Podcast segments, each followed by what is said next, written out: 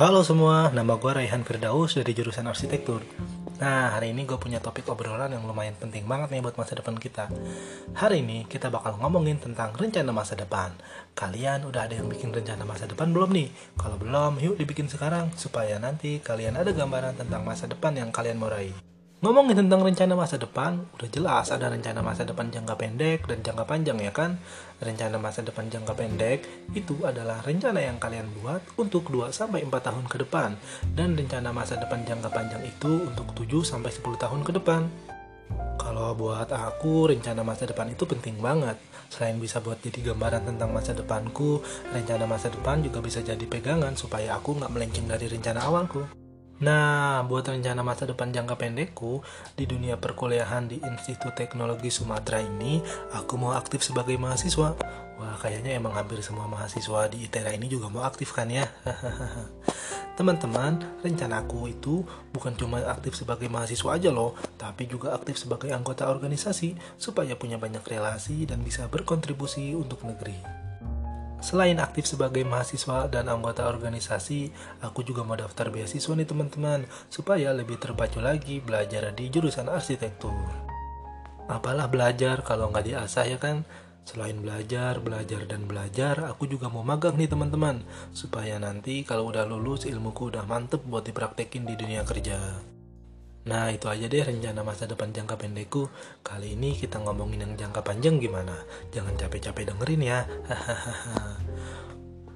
Buat yang jangka panjang, selain harus dipikirin matang-matang, juga harus dipersiapkan sebaik mungkin biar nggak salah langkah. Nah, rencana masa depan jangka panjangku jelas jadi arsitek dong. Tapi apa sih yang bakal aku lakuin 7-10 tahun ke depan? Setelah lulus dan yakin kalau ilmuku sudah baik, aku mau ambil sertifikasi profesi arsitek nih teman-teman. Biar calon klienku nanti di masa depan yakin mengenai kualifikasiku sebagai arsitek. Kalau sudah punya ilmu yang baik, harus ditingkatkan supaya ilmunya semakin bagus kan?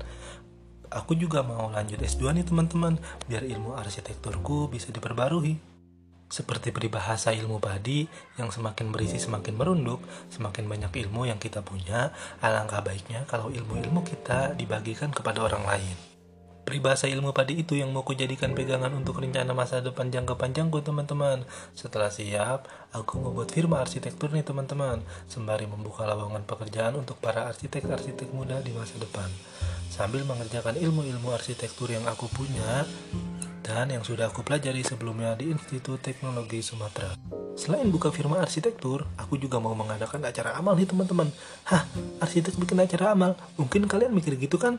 Nah, acara amal yang aku maksud ini adalah membantu mendesain calon masjid-masjid baru di Indonesia dari Sabang sampai Merauke. Dari yang aku pelajari di lapangan, semakin indah bentuk bangunannya, semakin banyak juga orang-orang yang mau datang. Jadi aku berharap dengan bantuan mendesain masjid-masjid di Indonesia, ada banyak orang yang akan datang dan beribadah ke masjid. Nah, segitu aja nih teman-teman tentang rencana masa depanku. Semoga bisa menginspirasi kalian dalam membentuk rencana masa depan ya. Sampai jumpa di podcast-podcast yang lainnya. Sampai jumpa. Ciu.